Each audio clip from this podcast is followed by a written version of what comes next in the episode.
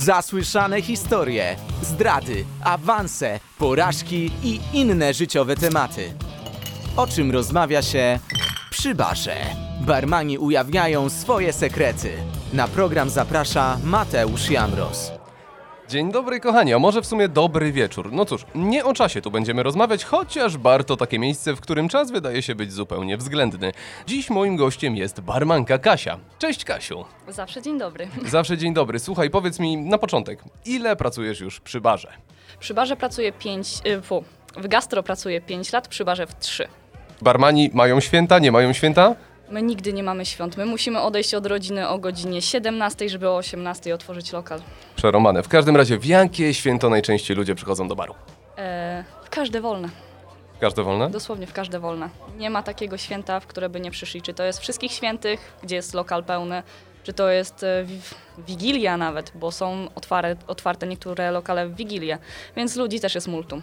Nie ma na to opcji. O nie, to, to brzmi to w sumie źle. W każdym razie, słuchaj, bar, w którym ty pracujesz, pracowałaś, do dużych nie należy, więc na pewno słyszałaś w nim wiele historii. No, w myśl tego, o czym rozmawiają klienci oczywiście. W myśl tego możemy zacząć od tego, co jest smutne, czy od tego, co jest szczęśliwe. Wiesz co, zacznijmy od czegoś smutnego na, na początek.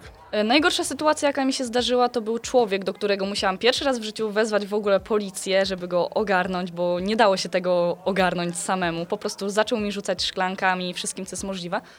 Wszedł sobie tak na spokojnie do baru, było wszystko ok, zaczął pić. Okazało się, że zmarł mu przyjaciel.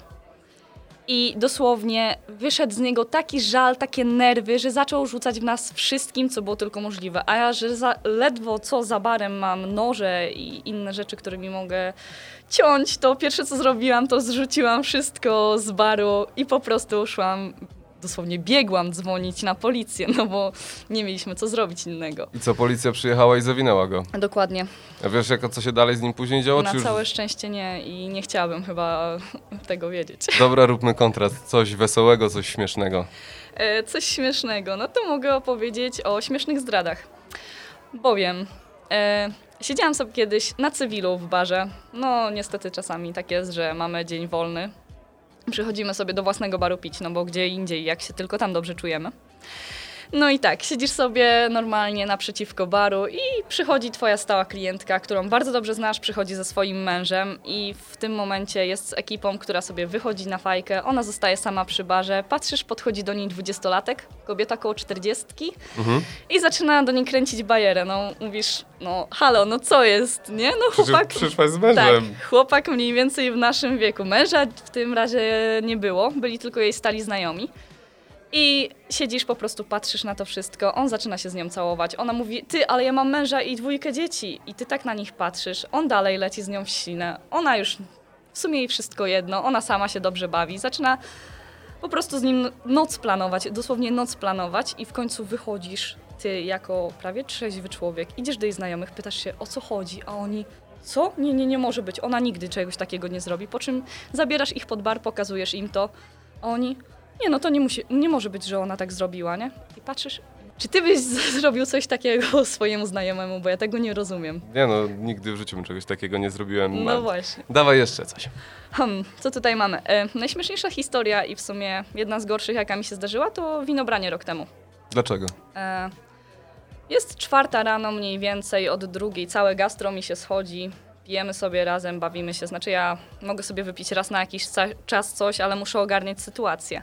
Jasne? I zaczynam sobie sprzątać lokal, liczyć kasę, więc już mam praktycznie zamknięte. I ten moment, kiedy po prostu patrzysz przez okno, a gość stoi z dwumetrową ławką przed tobą, przed lokalem. Tak, ławka, na której się u nas zazwyczaj siedzi, dwumetrowa ławka. Na winobranie, tak. I ty sobie wchodzisz pomiędzy kilku ludzi z gastro, które wyglądają jak małe chucherka przy takiej dwumetrowej szafie, jeszcze z e, tą Ławką. ławką. I ty tak stoisz i mówisz, ale po co ci te nerwy? No po co? No odstaw to. I mówisz jak do, tego, do takiego małego Dobra, dziecka, ciocia nie? Kasia, ale zostaw to, Naprawdę. zostaw to A w środku się tak po prostu gotujesz. Wiesz, że policja nie zdąży przyjechać, wiesz, że twoja ochrona nie zdąży przyjechać. No i musisz stać sama sobie z tym wszystkim, nie? A koledzy, którzy stoją na barze ci pomogą? Mam jednego kolegę na barze, ale jest taka rotacja, że pracujesz od którejś do którejś i od którejś do którejś. I zazwyczaj dwie godziny są puste, że jesteś sam. i otwierasz sam i zamykasz sam, więc wszystko, co się dzieje, jest na twojej głowie. Ale miałaś tak, że bałaś się kiedyś zostać sama w barze? E, Bałam się, bo miałam jednego klienta między trzecią a czwartą rano, który siedział sobie w słuchawkach, miał takie nieciekawe oczy, że tak to nazwę. Tak, okej. Cały czas mi się patrzył na ręce, ale to cały czas. Ja nie mogłam nic zrobić, czy pisałam na telefonie, czy coś, aż w końcu zadzwoniłam do chłopaków z innego lokalu, żeby przyszli po prostu, bo już miałam dość. I co oni z nim zrobili? E, Wiesz co, wystarczy, że ze mną zostali do samego końca. Ja już sobie powiedziałam, że muszę zamykać, posprzątać i tak dalej i oni mogą zostać ze mną, bo oni są ode mnie z pracy. I dopiero wtedy. A powiedz mi, o czym najczęściej rozmawia się przy barze? Rozmawia się najczęściej o pracy, o tym, co boli drugiego człowieka. Wiesz, w sumie rozmawia się o wszystkim. Ja się czasami czułam, jakby to był taki mały konfesjonał. Ludzie przychodzą, zwierzają ci się dosłownie ze wszystkiego. Miałam takiego fajnego klienta, który przychodził e, do nas dość często, bo praktycznie co sobotę, bo ze znajomymi wychodzili sobie na jakąś dyskotekę. I przyszedł któregoś razu zapłakany ze szczęścia i mówi: Kaszka, słuchaj, dziecko mi się będzie rodziło za rok. No co a ja ty? tak podchodzę do niego i mówię gratulacje. I on tylko cicho, bo chłopaki jeszcze nic nie wiedzą, a wiesz, on zawsze całą taką ekipą przychodzi, nie? I to jest takie fajne, bo wiesz, jesteś czasami pierwszą osobą, która się o czymś dowiaduje, czy to o rozwodzie, czy to po prostu o tym, że ktoś chce się komuś oświadczyć, czy to o dziecku, czy coś. Zawsze jesteś numerem jeden dla nich. Ale to jesteś taką osobą w sumie nieznaną, ale najbliższą, tak? Tak można powiedzieć? Dokładnie. Ja nawet wyjdę sobie prywatnie na miasto i ludzie mogą mnie już nie widzieć pół roku, a podejdą i rozmawiają ze, mnie, ze mną jak z najlepszą przyjaciółką. A nie wiem, przychodzą na przykład i mówią ci, ej, słuchaj, chcę zdradzić żonę i nie, nie wiem, takie rzeczy na przykład? Mm, Wiesz co, jest ogólnie tak, że e, nie kryją się z tym na przykład, że zainstalują sobie Tindera albo inną aplikację randkową. Co? Naprawdę. Jak? E, ogólnie to widać od razu, jak ktoś jest na pierwszej randce. Jak wchodzisz sobie do baru, znaczy stoisz za barem i widzisz, jak ktoś się denerwuje, jak na kogoś czeka, jak w końcu się z nim wita po raz pierwszy. I to od razu widać, że to jest z aplikacji jakiejkolwiek. I najgorsze, co może się zdarzyć, jak jedna osoba pójdzie do toalety, a ktoś po prostu zaczyna znowu przeglądać tą aplikację. To jest tak żenujące, że to aż boli. O, aż, aż Aż zabolało. Słuchaj, to powiedz mi jeszcze, czy w barach ludzie się o coś zakładają, czy macie jakieś tam zakłady? Siedzą przy ladach i mówią, słuchaj, zrobię to za to i za to, na przykład. Oczywiście, że tak. Za każdym razem są jakieś zakłady. Jak tobie jako barmanowi się nudzi, też możesz zrobić zakład.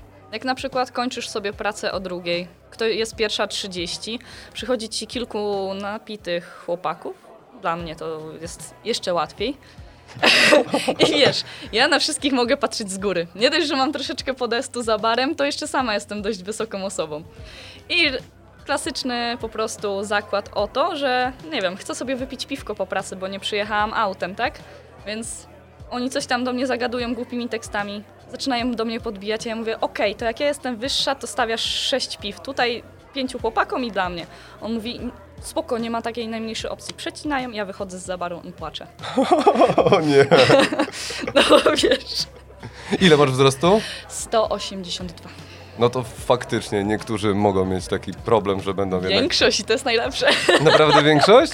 Naprawdę większość. To ile tak piw już wygrałeś w życiu? E, bardzo dużo. Dobra, to jeszcze powiedz mi, jest jakiś taki najgorętszy okres w pracy u was? Kiedy jest najgoręcej, naprawdę taka top hotka? Winobranie, Wielkanoc, mm, nie zawsze na święta Bożego Narodzenia, ale jak na przykład mamy początek wakacji, też bardzo dużo robi. O czym jeszcze mówi się przy barze? Barmani serwują kolejne opowieści.